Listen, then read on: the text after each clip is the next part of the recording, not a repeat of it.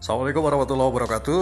Apa kabar para mahasiswa? Setelah seminggu berlalu, hari ini kembali kita akan melanjutkan perkuliahan dan Bapak memilih untuk menemani kalian belajar dengan bentuk podcast sehingga Bapak bisa menyampaikan materi dengan lebih leluasa. Kalian juga memiliki waktu yang lebih fleksibel untuk mendengarkan materi yang Bapak sampaikan ini. Karena ini tentunya bisa kalian dengarkan di mana pun dan dalam situasi apa pun. Minggu kemarin kita sudah berbincang hal-hal yang berkaitan dengan kenapa inovasi terlahir di dunia dan unsur-unsur apa saja yang membuat inovasi penting dalam setiap dinamika kehidupan termasuk di dunia pendidikan. Hari ini kita akan memulai materi dengan menyimak hal-hal yang berkaitan dengan inovasi dari mulai definisi dan juga elemen-elemen yang lainnya. Karena itu, Bapak harapkan kalian bisa meluangkan waktu untuk mendengarkan saya beberapa saat ke depan sambil kalian juga mencatat beberapa kuis yang harus kalian kerjakan selepas kalian menyimak materi yang Bapak sampaikan kali ini. Jadi so Sekali lagi harap bersabar, dengarkan saya beberapa saat sambil menyimak materi-materi yang akan saya sampaikan.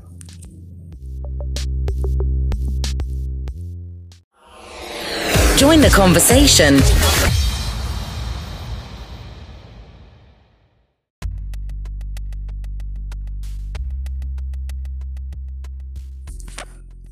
Sudah siap para mahasiswa? Di mana pun kalian berada, lagi melakukan aktivitas apa pun, kita akan memulai perkuliahan hari ini. Saya akan melanjutkan materi yang sempat tertunda minggu yang lalu.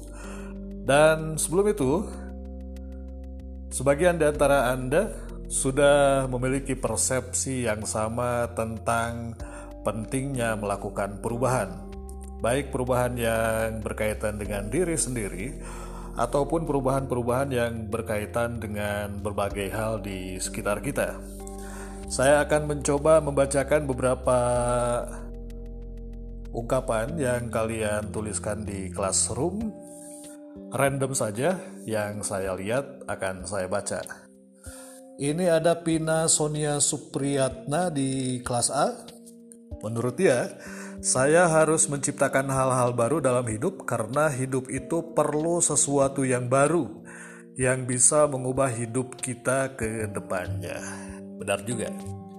Perlu menciptakan hal-hal yang baru dalam hidup supaya berguna untuk masa yang akan datang. Satu lagi dari kelas A. Ini ada Sophia Paujiah saya harus menciptakan hal-hal baru dalam hidup karena saya tidak mungkin terpaku dengan sesuatu yang lama. Sebagai seorang ibu, saya harus menjadi ibu milenial yang tidak terpaku pada cara mendidik orang tua yang masih menggunakan tradisi-tradisi berbau mitos. Wah, kalau ibu rumah tangga dalam ya ungkapannya. Itu dari kelas A. Sekarang kita pilih dua orang dari kelas B. Nah, ini kelas B sebentar ya. Jadi kan kalau dengan podcast kalian bisa santai, bisa sambil nyuci pakaian, bisa sambil masak yang ibu-ibu, bisa sambil rebahan anak-anak milenial. Sekarang kan disebutnya generasi rebahan juga. Anytime, anywhere, ngegoler weh. Pikri Taufik Hidayat Menurut dia saya harus menciptakan hal-hal baru dalam hidup karena hidup adalah sebuah tantangan yang harus dihadapi dan perjuangan yang harus dimenangkan. Guys, keren. Ini kalau cowok harus gini bener. Harus spikes dan harus penuh optimisme karena memang hidup itu tidak mudah. Satu lagi kelas B, Kaila Nur Jamilah. Saya harus menciptakan hal-hal baru dalam hidup karena hidup itu terus berjalan ke depan dan harus dinamis, tidak statis. Oleh karena itu, kreativitas dan inovasi sangat diperlukan dan harus terus diasah untuk bisa menjalani kehidupan yang lebih baik ke depannya. Oke, bagus, keren. Kelas lainnya nanti masing-masing dua orang akan Bapak bacakan perwakilannya di segmen selanjutnya dari podcast ini. Sekarang kita balik ke materi, tapi sebelumnya Bapak mohon maaf karena ini tidak diedit. No edit. Jadi kalau ada suara-suara yang tidak terlalu stabil, ada suara-suara masuk yang tidak diharapkan, sekali lagi Bapak sampaikan permohonan maaf. Jadi anggap saja kita alamiah, Bapak berada di tengah-tengah kalian ngobrol. Jadi apa pun itu suara-suara yang datang dari luar, gak usah kita hiraukan. Kita mulai materi hari ini dengan sebuah pertanyaan. Mengapa harus bersikap inovatif? Ini melanjutkan materi minggu sebelumnya. Dan sebagian di antara kalian sudah menjawab dengan berbagai versi, tapi pada intinya sama maknanya ya. Kenapa kita harus bersikap inovatif? Satu di antaranya karena ada tuntutan zaman. Besok harus lebih baik dari hari ini dan hari ini harus lebih baik dari hari kemarin. Dan tahukah saudara-saudara bahwa dunia berubah begitu cepat? Arus teknologi dan informasi telah menjadikan kehidupan sesuatu yang sifatnya itu begitu dinamis. Setiap satu menit ditemukan 1500 teknologi baru. Bayangkan kalau satu jam, satu hari. Dan konsekuensinya kita nggak bisa diam. Kita harus bersedia berpartisipasi dalam memperbaiki kualitas kehidupan di segala bidang. Karena esensi dari semua perubahan termasuk teknologi yang begitu masif, teknologi yang begitu cepat berubahnya, itu salah satu tujuannya adalah untuk memperbaiki kualitas kehidupan, membuat sesuatu yang sulit menjadi lebih mudah. Nah, tetapi tentu saja sikap inovatif ini nggak bisa serta merta datang pada diri kita. Kita harus tahu bagaimana cara bagaimana langkah-langkahnya supaya kita menjadi seseorang yang selalu bersikap inovatif. Langkah-langkahnya, yang pertama, kita harus memahami cara berpikir inovatif dan kreatif. Jadi, penting kalau kalian ingin menjadi seorang inovator, yang harus pertama kita pahami adalah cara berpikirnya. So, tentu sangat berbeda. Orang yang kreatif, orang yang inovatif, dengan orang yang berada di zona nyaman. Cara berpikirnya tentu akan berbeda dan ini harus dipahami oleh kita. Lalu yang kedua, sesudah kita memahami cara berpikir, maka kita harus memahami metodenya untuk membangkitkan daya inovasi atau kreativitas. Percuma kita punya mimpi satu, dua, bahkan ribuan kalau kita tidak tahu cara mewujudkan mimpinya. Cara itu adalah metode.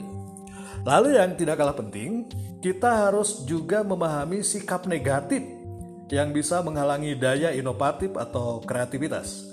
Sikap negatif itu bisa datang dari diri kita, bisa juga datang dari eksternal kita. Kebalikannya, kita juga harus memahami sikap positif. Sikap positif ini yang akan mendorong daya inovatif dan kreativitas kita. Bapak contohkan, sikap pantang menyerah itu adalah sebuah sikap positif. Jadi kalau Anda melakukan sesuatu, lalu Anda gagal, Anda tidak berhenti, tetapi kembali melakukan hal yang sama dengan melalui proses evaluasi diri, sampai keberhasilan didapat, itu artinya Anda mempunyai sikap yang positif. Nah, ada seorang ahli dalam bukunya McCarthy membuat pembagian fungsi kerja otak menjadi dua belahan, otak kiri dan otak kanan. Kenapa Bapak harus menyampaikan ini? Karena nanti kita akan bicarakan ciri-ciri berpikir inovatif dan kreatif itu seperti apa.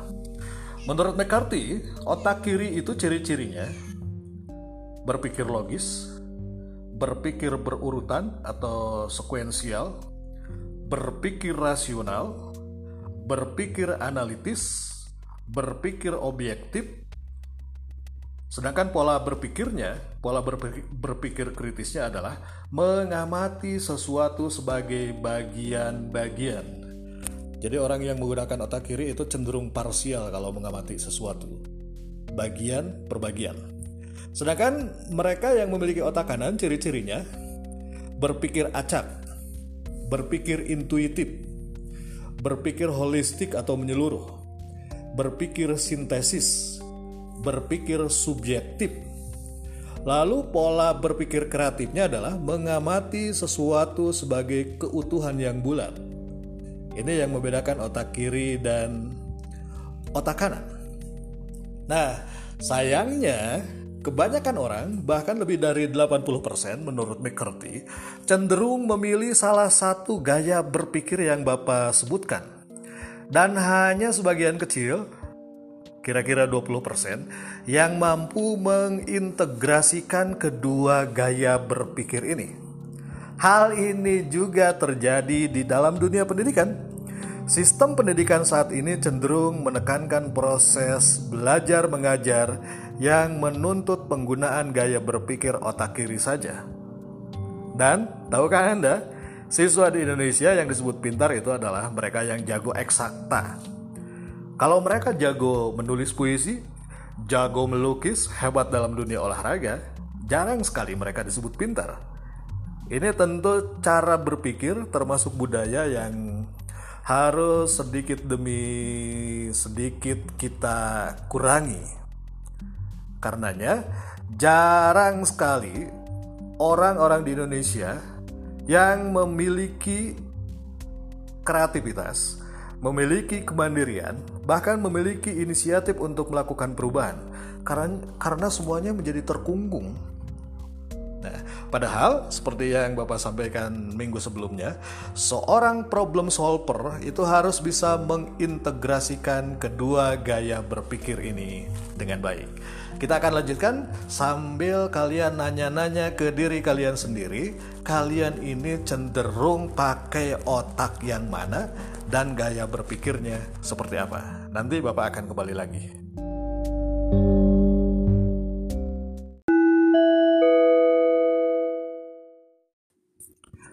Mari kita lanjutkan lagi para mahasiswa. Kalau Anda mendengarkan ini di pagi hari, terutama mereka yang di jadwal jam 7 dan jam 8.40, saya ingatkan untuk sarapan dulu.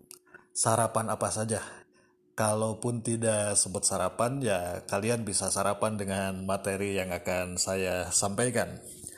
Sebelum kita lanjut ke materi berikutnya, kembali Bapak bacakan Komentar yang ditulis di Classroom, kini giliran kelas C ada 25 orang yang sudah berkomentar di Classroom.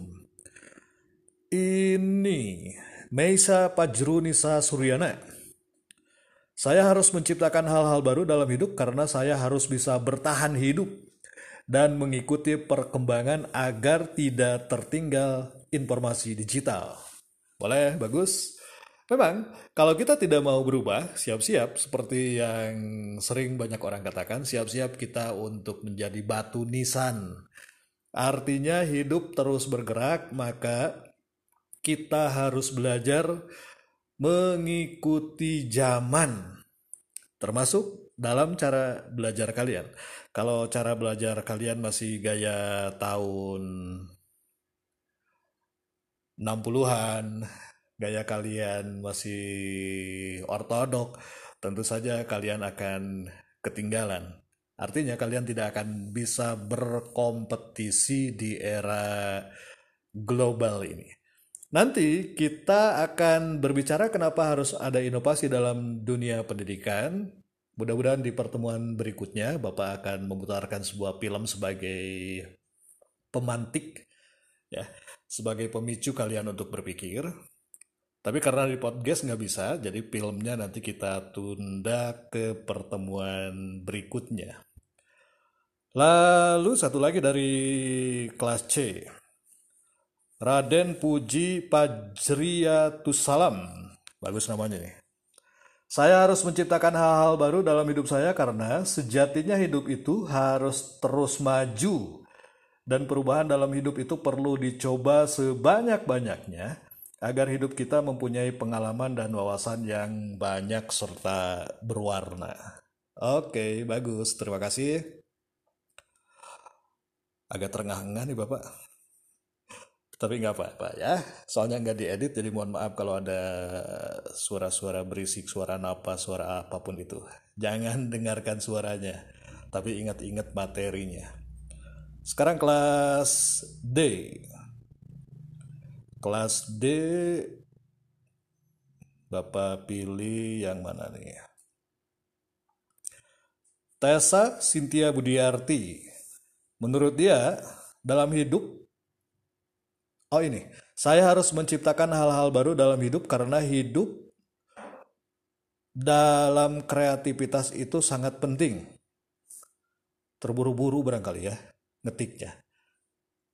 Mungkin maksudnya gini, saya harus menciptakan hal-hal baru dalam hidup karena kreativitas itu sangat penting agar kelak tidak hanya menjadi konsumen ilmu pengetahuan, tetapi mampu menghasilkan pengetahuan baru. Oke, benar. Jadi kalau yang berkaitan dengan inovasi itu juga ada hal-hal yang berkaitan dengan apa yang disebut piranti lunak. Kalau tidak salah minggu kemarin Bapak jelaskan. Inovasi itu kan ada hardware dan ada software. Kalau hardware itu yang berkaitan dengan sesuatu yang bisa kita lihat, bisa kita raba mobil, uh, komputer, dan yang lain-lainnya. Tapi kalau sudah berkaitan dengan software, itu sama sekali nggak bisa kita lihat. Tapi bisa dirasakan hasilnya. Contohnya apa? Teori-teori ilmu pengetahuan. Teori-teori ilmu pengetahuan di bidang apa pun itu. Kalau teori itu adalah bersifat baru, maka itu disebut inovasi. Baik, kita akan melanjutkan lagi perbincangan kita. Kita akan membandingkan bagaimana orang yang memiliki ciri-ciri cara berpikir tadi. Diulang lagi, berpikir itu gayanya ada orang yang berpikir kritis, ada orang yang berpikir inovatif. Berpikir kritis itu didominasi oleh mereka yang menggunakan otak kiri. Sedangkan berpikir inovatif itu adalah mereka yang menggunakan otak kanan. Kalau ada orang yang sama sekali malas berpikir, itu artinya dia menggunakan otak udang. ada kan uh, ungkapannya seperti itu. Ini menurut Robert Harris dalam sebuah bukunya tahun 98, dia mengelompokkan cara berpikir ini dengan ciri-cirinya. Menurut dia, orang yang berpikir kritis itu ciri-cirinya konvergen, vertikal, terfokus, objektif, jawabannya itu hanya satu, analitis, verbal, dan linier. Sedangkan mereka yang berpikir inovatif, yang menggunakan otak kanan tadi, dominannya menggunakan otak kanan, itu adalah kebalikannya. Divergen, lateral atau horizontal, dipus atau menghambur, subjektif, salah satu jawaban, generatif, visual, asosiatif, dan integratif. Pertanyaannya, mana yang harus dipilih? Dalam menyelesaikan sebuah masalah, atau kita sebut dengan problem solving, maka kedua jenis cara berpikir ini harus diintegrasikan. Sebelum lanjut, kalian mulai catat kuisnya. Kuis yang pertama, Bapak tadi sebutkan ciri-ciri dari pendapat Robert Harris tentang dua jenis cara berpikir. Kalian harus menjelaskan Ciri-ciri dari dua jenis cara berpikir menurut Robert Harris tadi. Jadi kalian jelaskan konvergen itu artinya apa, vertikal artinya apa, terfokus artinya apa. Itu contoh-contoh untuk berpikir kritis. Sedangkan untuk berpikir inovatif, ciri-ciri seperti dipergen, lateral, dipus yang Bapak sebutkan tadi, kalian jelaskan. Ya, cari referensinya karena kita belajar dengan cara andragogi. Jadi belajar orang dewasa itu tidak harus dikasih 100% dari dosen. Jadi kalian nyari sendiri. Balik lagi. Jadi kuis yang pertama, kalian harus menjelaskan ciri-ciri dua jenis cara berpikir menurut Robert Harris. Itu kuis yang pertama. Ada berapa kuis? Tunggu saja sampai materi yang Bapak sampaikan ini akan selesai. Sekarang kita bicara tentang kreativitasnya. Tadi kan berpikir inovatif. Salah satu yang bersisian dengan berpikir inovatif itu adalah kreativitas. Apa yang dimaksud kreativitas? Banyak definisinya. Steinberg contohnya menyebutkan kreativitas itu adalah menginvestasikan kecakapan dan ikhtiar individu ke dalam gagasan yang baru dan berkualitas tinggi. Torrance tahun 99 dalam bukunya dia menyebutkan kreativitas itu adalah proses menciptakan ide atau gagasan atau hipotesis serta mengkomunikasikan hasilnya. Kalian nanti bisa mencari definisi-definisi dari ahli-ahli yang lainnya. Kembali Bapak kutip Robert Harris. Dia membagi kreativitas itu dalam tiga definisi. Yang pertama, Kreativitas yang pertama adalah kemampuan membayangkan atau menemukan sesuatu yang baru. Ini lebih banyak berkaitan dengan membangun ide-ide. Ya. Jadi menurut definisi pertama dari kreativitas menurut Robert Harris, semua orang secara substansial memiliki kemampuan kreatif sejak lahir. Jadi harus percaya, sejak lahir manusia itu sudah dianugerahi kreativitas. Lalu yang kedua, kreativitas adalah berkaitan dengan sikap, yaitu mampu menerima perubahan dan pembaharuan, mau untuk bermain dengan ide-ide dan kemungkinan-kemungkinannya, fleksibilitas dalam cara memandang, kebiasaan menikmati hal-hal yang baik sambil mencari jalan untuk memperbaiki hal tersebut. Kita contohkan, kalau di Indonesia ada tanaman tomat, semua orang akan berpikir sesuatu yang sama karena bentuknya itu tetap seperti itu. Seperti tanda lep itu kan kalau dalam gambar. Tapi kalau di Jepang dengan kreativitasnya orang-orang Jepang itu ya bisa membentuk tomat itu menjadi bentuk yang berbeda. Ya, jadi sejak masih menempel di pohonnya, tanaman tomat itu bentuknya didesain bisa menyerupai apel, jeruk, bahkan bisa berbentuk kotak, bisa berbentuk jantung dan yang lain-lainnya. Apa tujuannya? Tujuannya agar konsumen tertarik dengan produk yang mereka ciptakan. Itu. Jadi berkaitan dengan sikapnya. Definisi yang ketiga adalah kreativitas itu adalah sebuah proses. Orang yang kreatif adalah pekerja keras.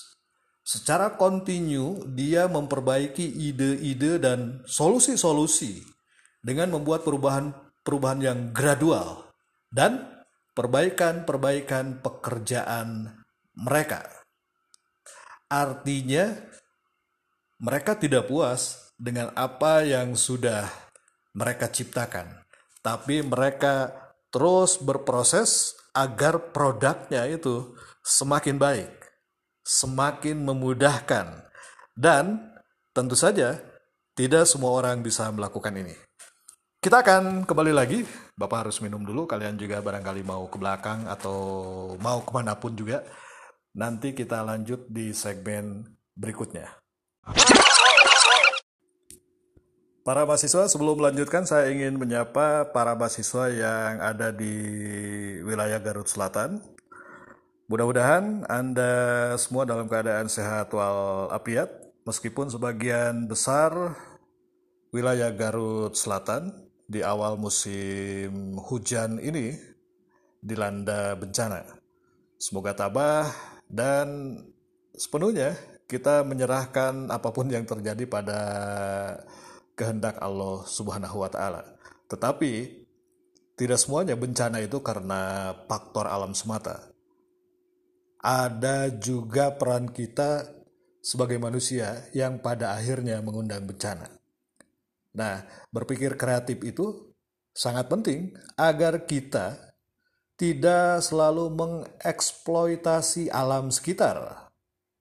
Eksplorasi alam yang sangat berlebihan membabat hutan, membuang sampah sembarangan, pada akhirnya ini akan mengundang bencana. Dan semoga kita dijauhkan dari hal-hal seperti ini.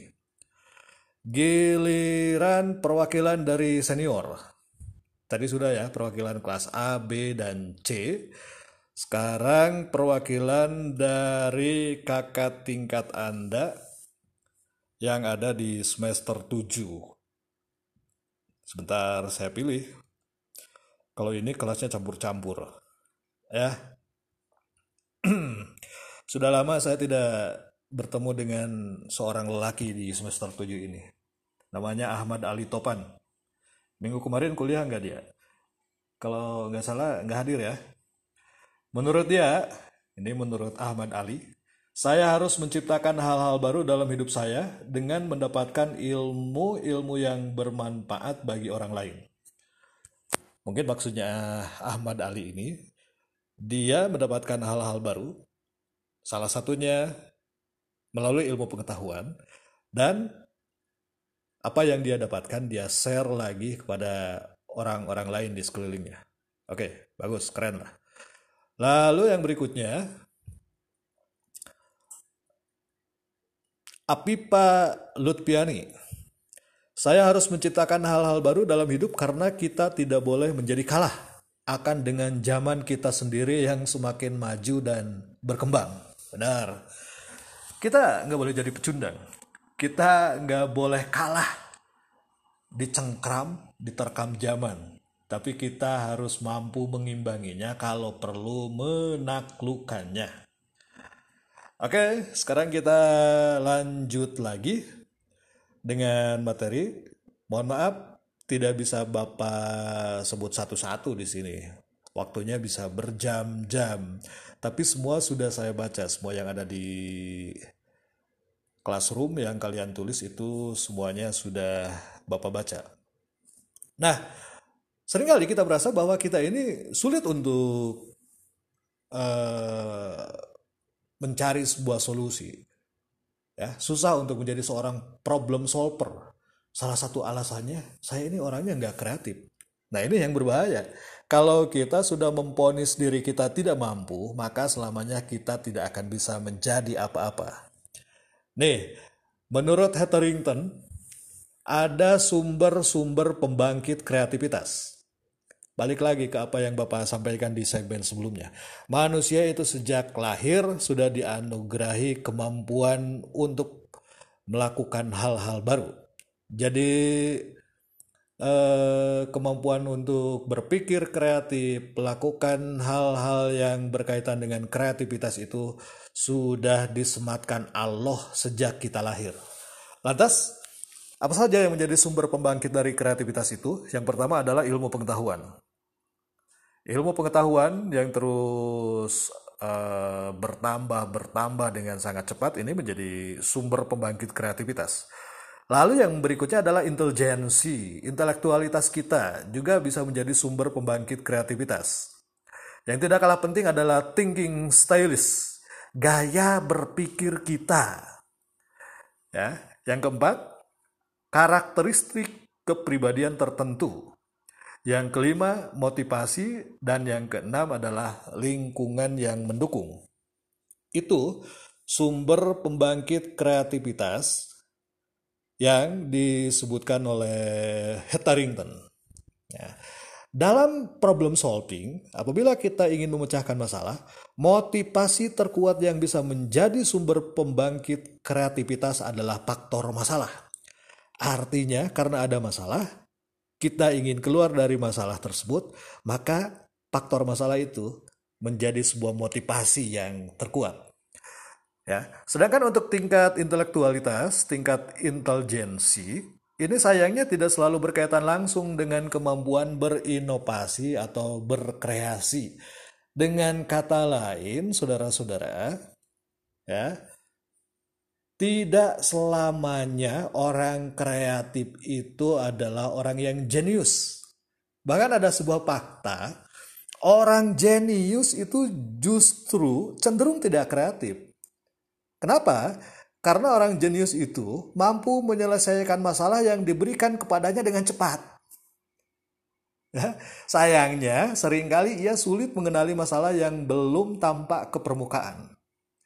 Sedangkan orang yang inovatif atau kreatif justru jarang orang yang dikategorikan secara intelektualitas dalam kategori pandai atau jenius.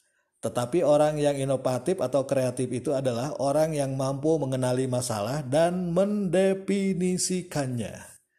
Jadi, enggak usah berkecil hati kalau kita merasa menjadi orang biasa-biasa saja, karena justru orang yang biasa-biasa saja ini mayoritas ya adalah orang-orang yang inovatif dan kreatif. Mulai sekarang maka manfaatkan semua potensi yang ada pada diri kita, mengenali masalah, mengidentifikasi masalah, lalu mencari jalan keluarnya, dan Anda memerankan diri sebagai seorang problem solver. Kita bicara tentang inovasi dan kreativitas, dan tadi kita juga sampai pada sebuah ciri, ciri berpikir inovatif itu adalah mampu memahami metode-metode yang akan dijalankan untuk mengeksekusi ide kreatif kita. Nah, beberapa metode metode inovatif dan kreatif di antaranya yang pertama itu adalah metode evolusi. Metode evolusi ini adalah perbaikan dengan cara peningkatan secara gradual setahap demi setahap. Ya, ide baru dibangkitkan dari ide sebelumnya, solusi baru didasarkan pada solusi sebelumnya dan membuat sesuatu lebih baik meskipun hanya bergeser sedikit. Ya, membuat sesuatu lebih baik dari sebelumnya. Nah, kebanyakan benda, sistem atau metode yang dibangun saat ini itu melalui proses yang disebut evolusi. Artinya prosesnya sangat panjang. Hasil evolusi bisa saja sangat berbeda dari asal usulnya. Contohnya apa? Mobil. Bayangkan mobil 100 tahun lalu dengan mobil hari ini atau mobil 20 tahun yang akan datang. Tentu akan berbeda. Begitu juga dengan pesawat terbang, kereta api, komputer. Semuanya melewati proses evolusi. Ya, bayangkan tahun 70-an komputer itu segede lemari es, segede kulkas. Kenapa hari ini ya komputer itu bentuknya sangat ramping, kecil, mudah dibawa dengan fungsi yang lebih lengkap, lebih canggih Semuanya karena ada proses evolusi. Nggak kebayang kan? Kalau kalian kuliah menenteng komputer yang ukurannya segede kulkas, tentu akan sangat menjulitkan. Itu tentang salah satu metode yang berkaitan dengan berpikir inovatif yang disebut dengan evolusi. Yang berikutnya adalah metode sintesis. Metode sintesis itu adalah dua atau lebih ide yang ada digabungkan ke dalam satu ide baru. Jadi ada dua atau lebih ide digabungkan menjadi satu ide yang baru. Ini disebutnya metode sintesis. Contohnya apa? Contohnya yang sekarang lagi booming adalah e-commerce. Perdagangan. Perdagangan menjadi lebih mudah dengan memadukan bidang perdagangan dengan internet maka lahirlah apa yang disebut dengan e-business, e-commerce, e-banking, e-payment, dan lain-lain. Nah, perubahan-perubahan yang itu disebutnya adalah sintesis atau menggunakan metode sintesis. Ya. Metode yang berikutnya adalah revolusi. Revolusi itu sering kali ide yang baru itu benar-benar berbeda dari pendahulunya ya jadi sangat berbeda dengan generasi-generasi sebelumnya ini disebutnya adalah revolusi ya contohnya apa? Layar LCD dari bahan kristal cair untuk menggantikan layar tabung hampa kalau dalam pesawat televisi kalau zaman dulu kan itu gede ke belakang kan? Ya pakai tabung. Sekarang dengan layar LCD dari bahan kristal cair ya membuat bentuknya itu berbeda. Dari sesuatu yang ada sebelumnya. Ini disebutnya menggunakan metode revolusi. Metode yang berikutnya adalah metode mengubah arah. Artinya, saudara-saudara, banyak terobosan kreatif terjadi saat perhatian dialihkan dari satu sudut pandang ke sudut pandang yang lainnya. Artinya, apabila sebuah solusi gagal dilaksanakan, alihkan kepada kemungkinan solusi-solusi yang lainnya. Ini tentu sesuatu yang harus kita pahami karena inovasi itu tidak bisa serta-merta dilakukan tanpa kita memahami hal esensial untuk membuat sebuah perubahan. Sudah mulai terengah-engah napas Bapak, jadi kita nanti balik lagi. Baik para calon guru milenial, sudah lebih dari setengah jam saya menyampaikan materi, tapi masih ada beberapa materi yang akan melengkapi perkuliahan daring kita hari ini. Sebelum dilanjut, Kalian mulai catat kuis kedua untuk pertemuan kali ini. Kuisnya berkaitan dengan COVID-19. Seperti kita ketahui, hampir satu tahun lamanya dunia pendidikan di Indonesia meninggalkan kegiatan pembelajaran tatap muka dan diganti dengan pembelajaran jarak jauh atau pembelajaran daring dengan menggunakan fasilitas internet.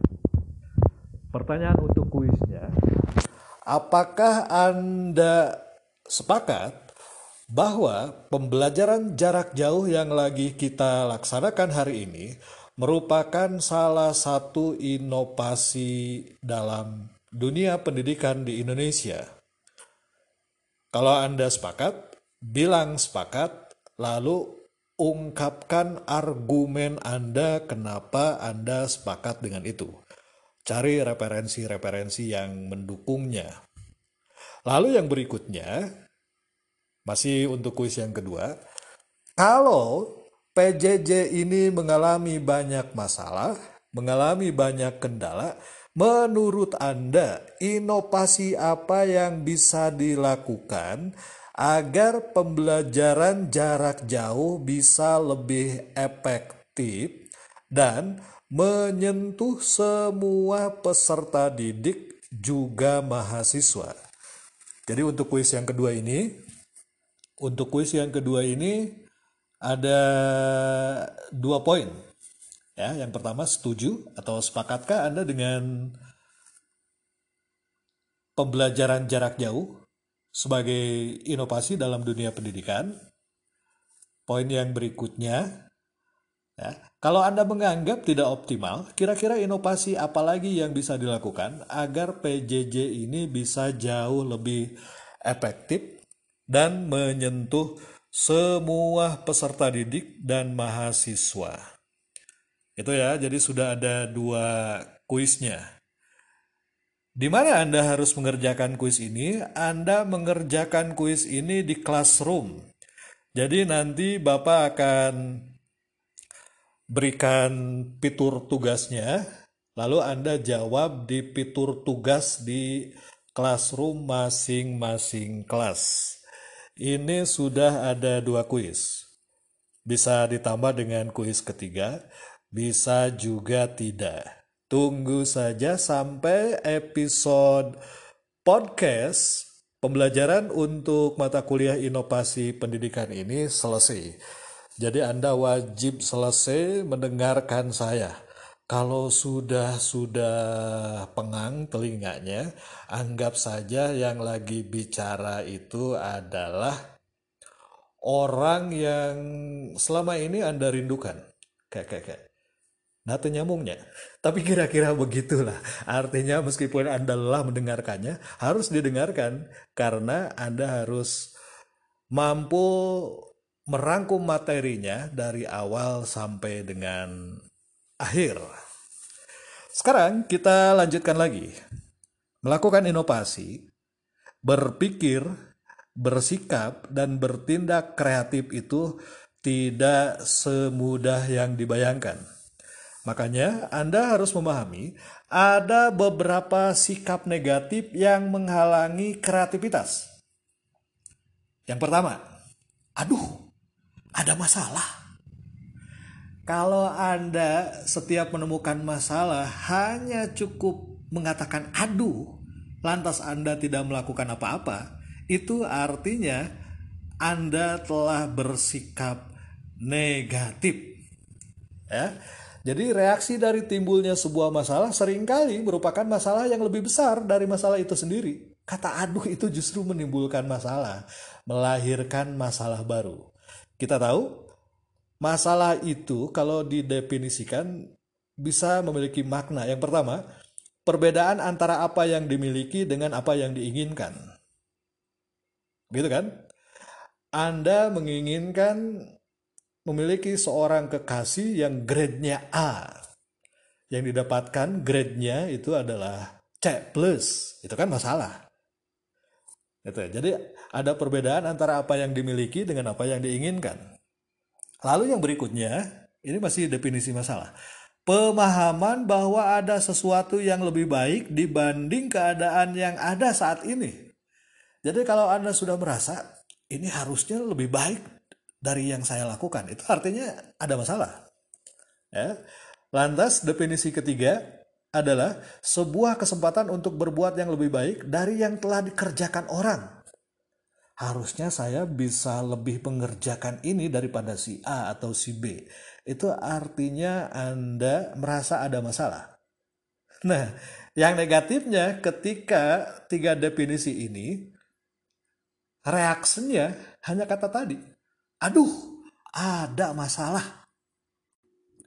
Kalau hanya sekedar mengatakan aduh dan tidak melakukan apa-apa, artinya cara bersikap Anda ini adalah negatif.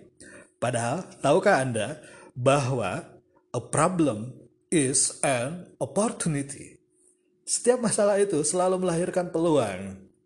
Bahkan peluangnya itu bisa jadi, gitu kan?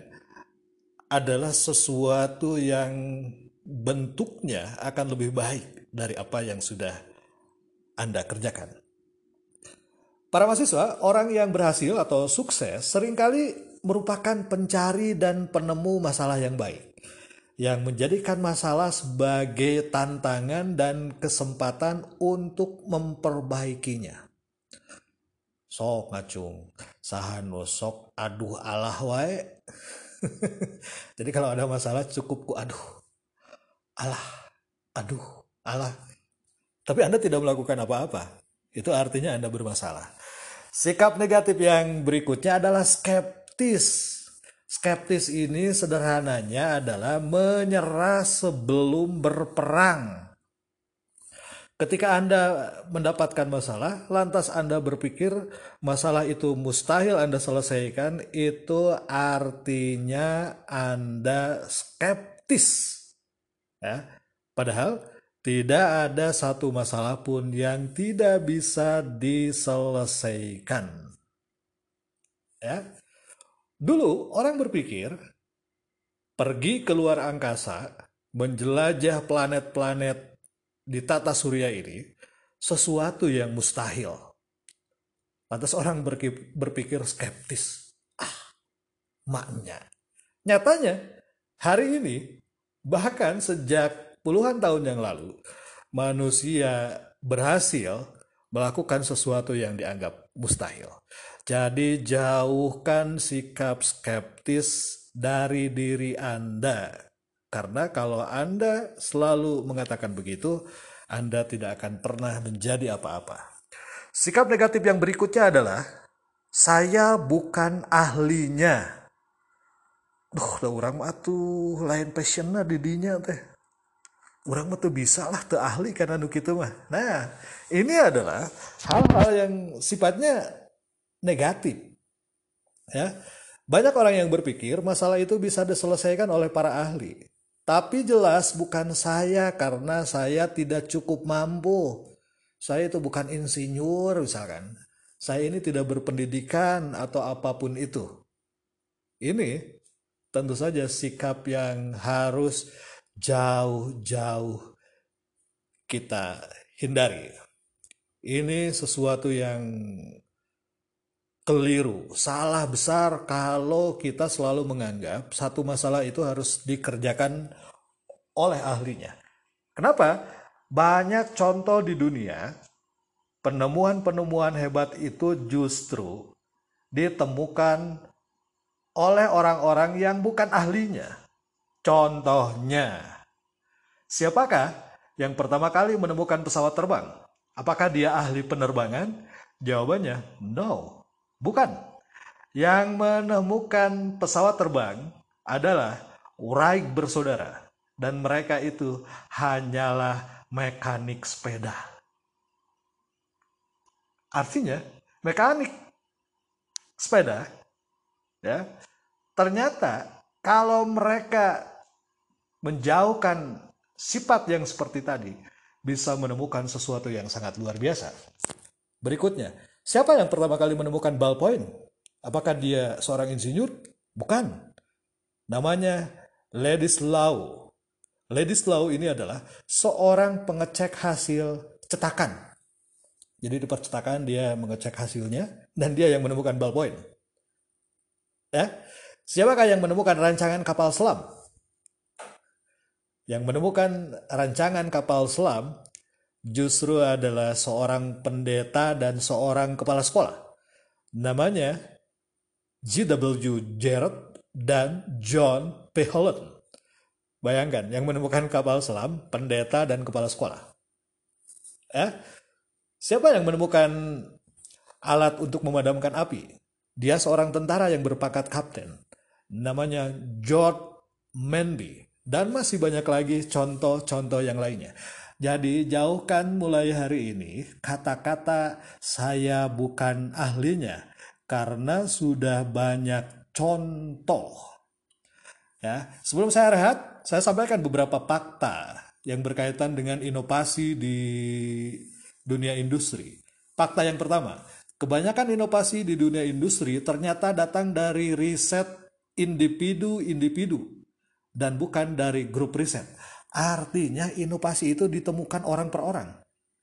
Yang kedua, pikiran sehat dengan niat baik atau positif dan kemampuan inovasi sangat berguna dalam setiap menyelesaikan masalah. Berpikir waras itu, ya, berpikir positif ternyata sangat berguna untuk menyelesaikan masalah. Fakta yang berikutnya adalah berkaitan dengan motivasi. Kalau kita memiliki kemauan untuk berusaha, ini akan bernilai lebih penting dibandingkan peralatan laboratorium yang lengkap. Ini masih ada yang tersisa, jadi kita lanjut supaya tidak ada jeda ya. ya. Sikap negatif yang keempat adalah tapi saya tidak kreatif. Nah, siapa bilang? Bapak tadi menyampaikan kita dianugerahi kreativitas sejak kita dilahirkan. Jadi secara alamiah semua orang itu berbakat untuk menjadi kreatif. Jauhkan sikap sikap yang seperti ini. Selalu menjudge bahwa saya tidak kreatif. Lalu yang berikutnya adalah ada ungkapan seperti ini. Ah, itu kekanak-kanakan Nah, sering kali untuk tampak dewasa dan sophisticated, kita menertawakan kreativitas. Yakni sikap-sikap bermain seperti yang dilakukan di usia muda kita dahulu. Jadi suka menyepelekan ya. Ya, suka menyepelekan ini adalah sesuatu yang sangat negatif ya yang justru membungkam kita untuk bisa berpikir kreatif. Lalu yang berikutnya, sebentar nggak apa-apa ya, nggak diedit nih, jadi bapak alamiah. Kalau sudah capek agak terengah-engah, lalu berdehem sejenak, jadi mohon dimaafkan. Yang berikutnya yang keenam adalah sikap negatif takut digunjingkan orang. Ya, ada tekanan sosial yang kuat untuk selalu berbuat yang umum, tidak melakukan di luar kelajiman dan berbuat tidak kreatif. Kita kan takut, ya. Jadi kalau kita melakukan sesuatu yang di luar kebanyakan orang lakukan, kita pasti memiliki rasa takut. Nah, hal ini ya, hal ini justru sebuah sikap negatif. Contohnya begini. Ya. Kenapa kamu berpayung padahal hari ini tidak hujan? Ya, orang yang kreatif itu akan menjawab seperti ini. Hari ini tidak hujan, tapi sinar matahari sangat terik.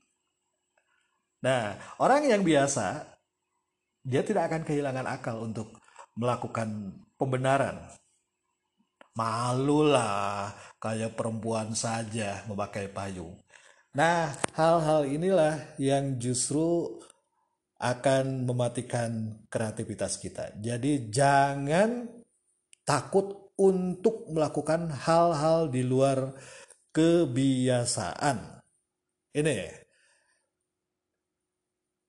kita akan lanjut karena sudah 15 menit untuk segmen ini kita akan lanjut nanti selepas Bapak nyari minum dulu.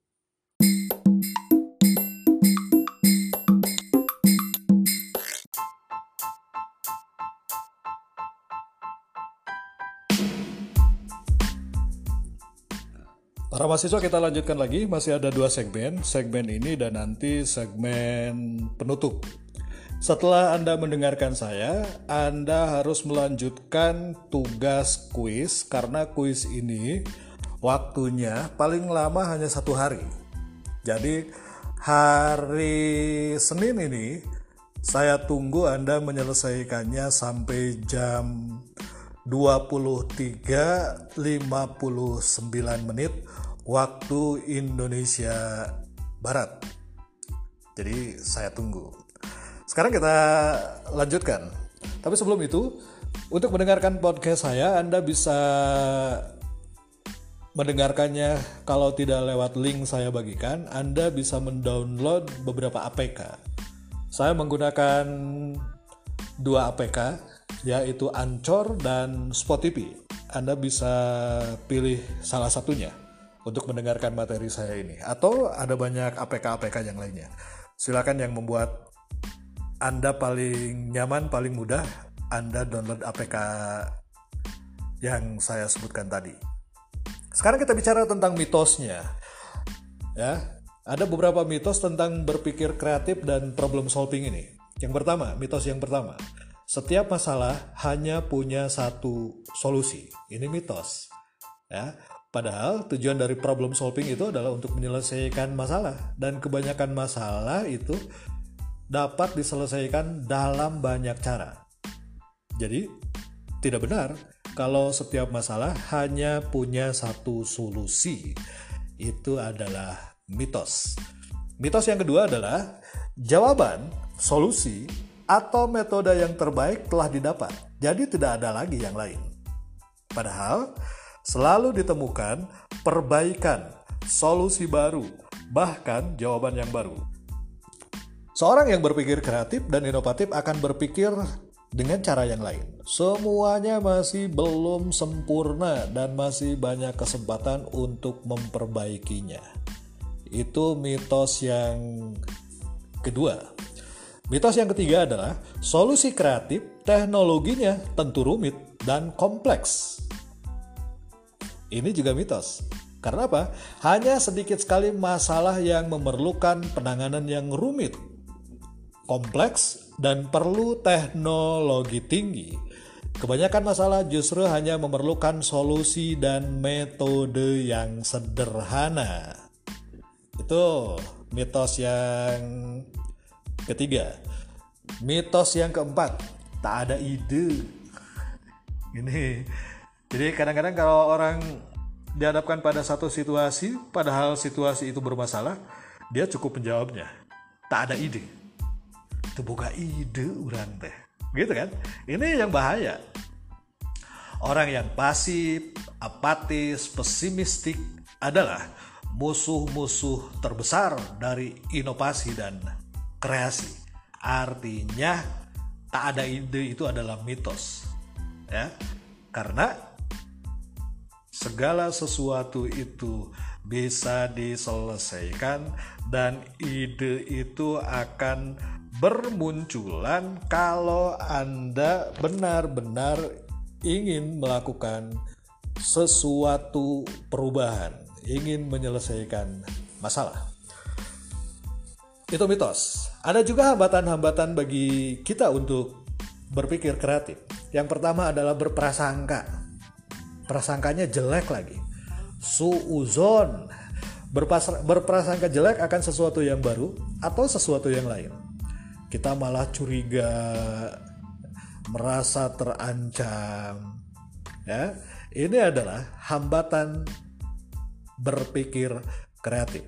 Ada lagu itu yang uh, sama sekali tidak mewakili proses kreativitas. Lagunya kangen band kamu di mana dengan siapa semalam berbuat apa? Sudah pales lagunya salah lagi.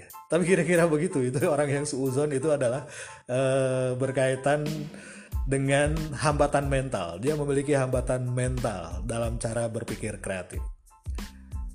Ini tentang hambatan-hambatan berpikir kreatif yang tentu saja akan menghalangi kita untuk keluar dari masalah.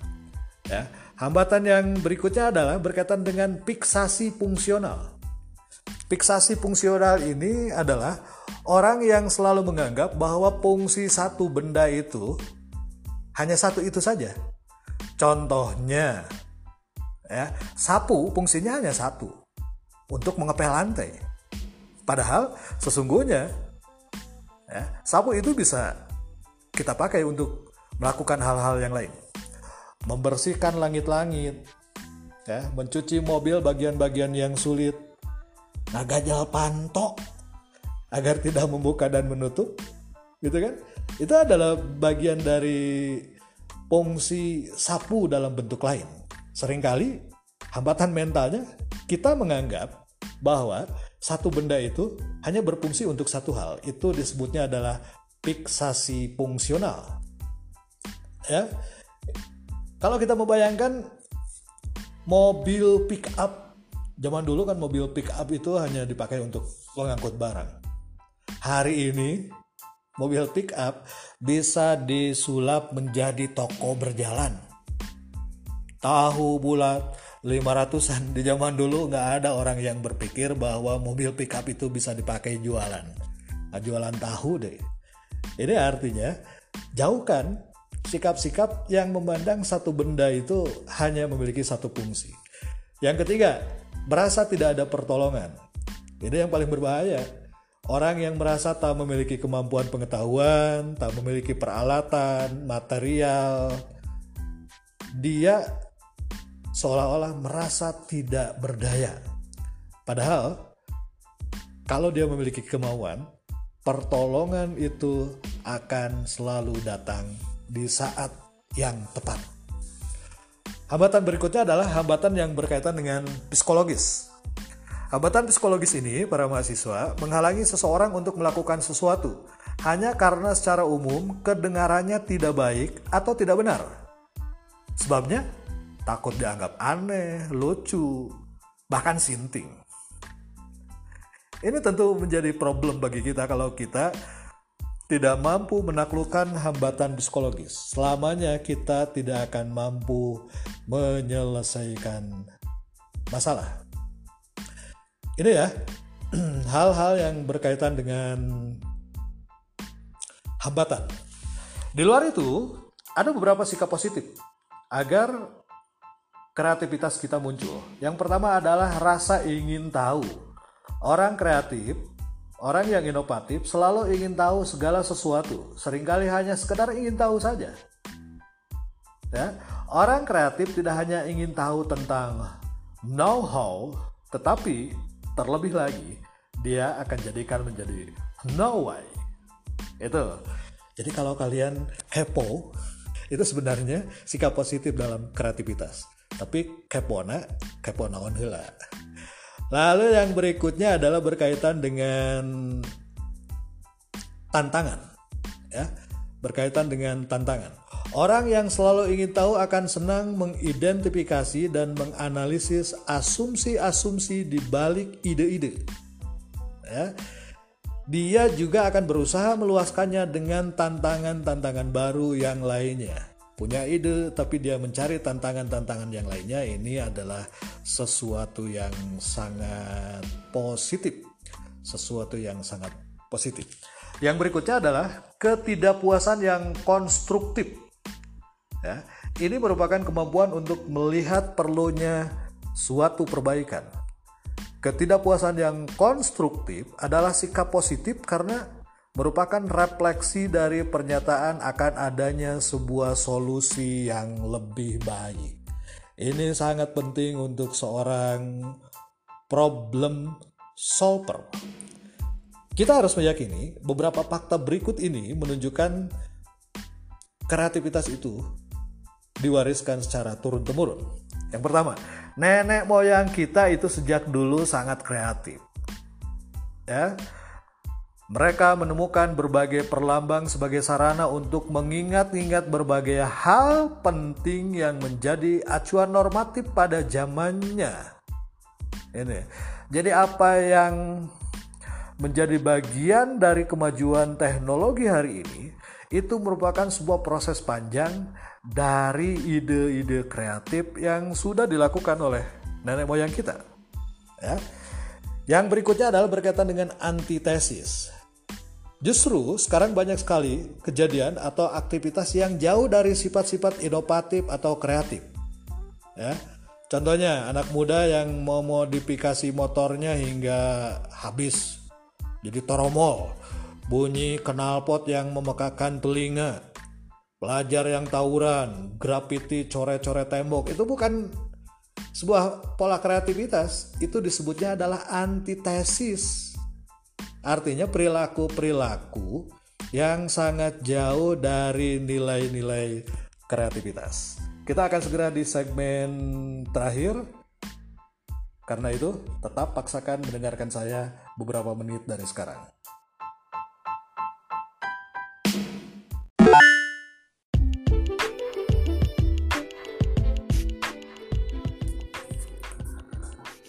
Aduh, akhirnya kita sampai di segmen terakhir untuk perkuliahan kita hari ini.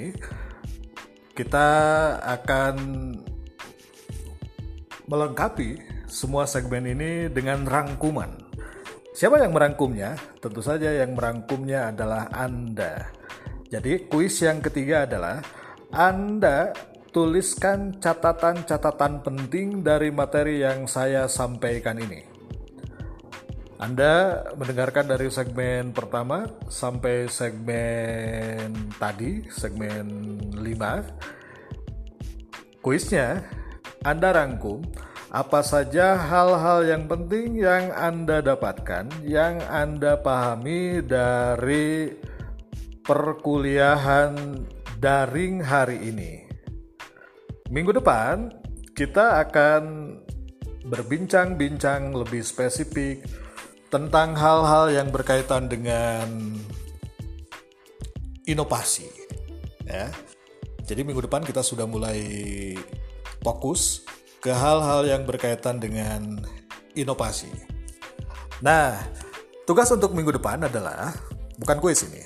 Tugas untuk minggu depan adalah Anda ya sampaikan tanggapan tentang podcast ini lewat pesan suara atau voice message yang ada di APK Ancor tempat saya membuat podcast ini.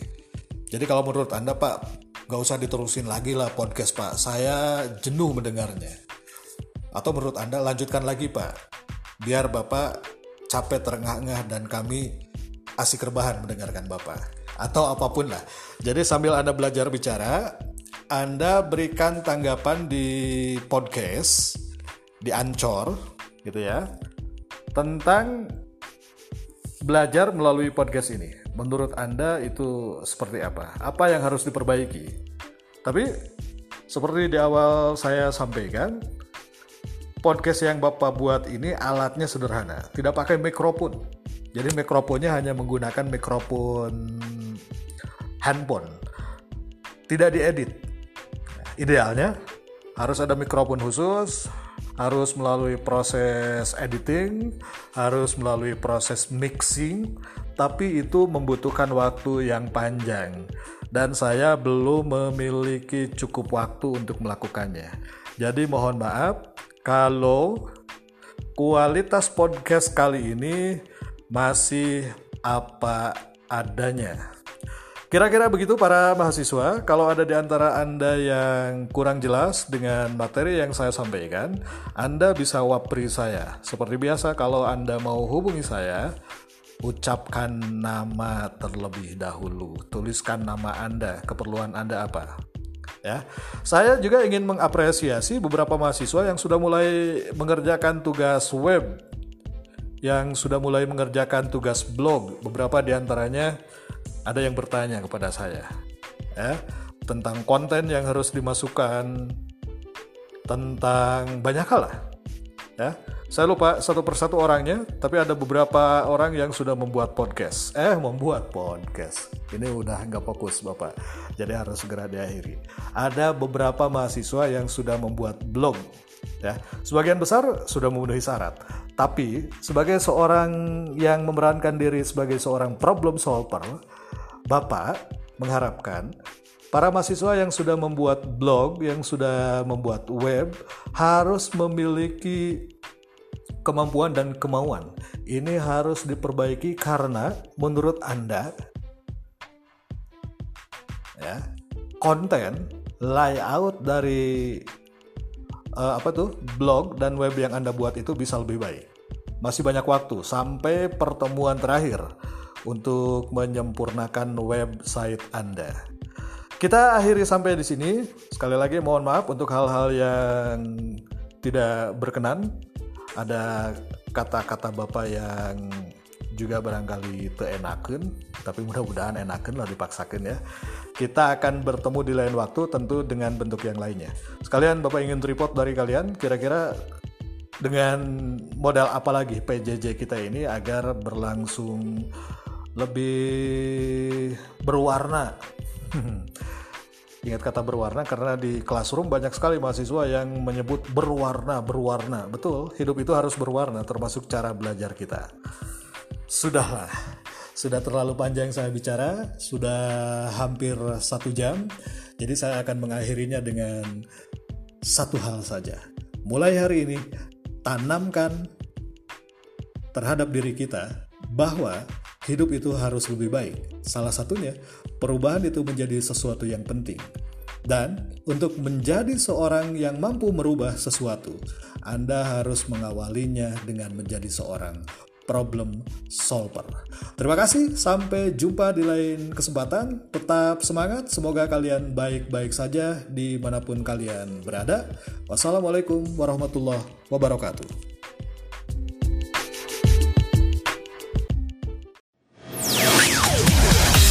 Thanks for listening. We hope you enjoyed the show.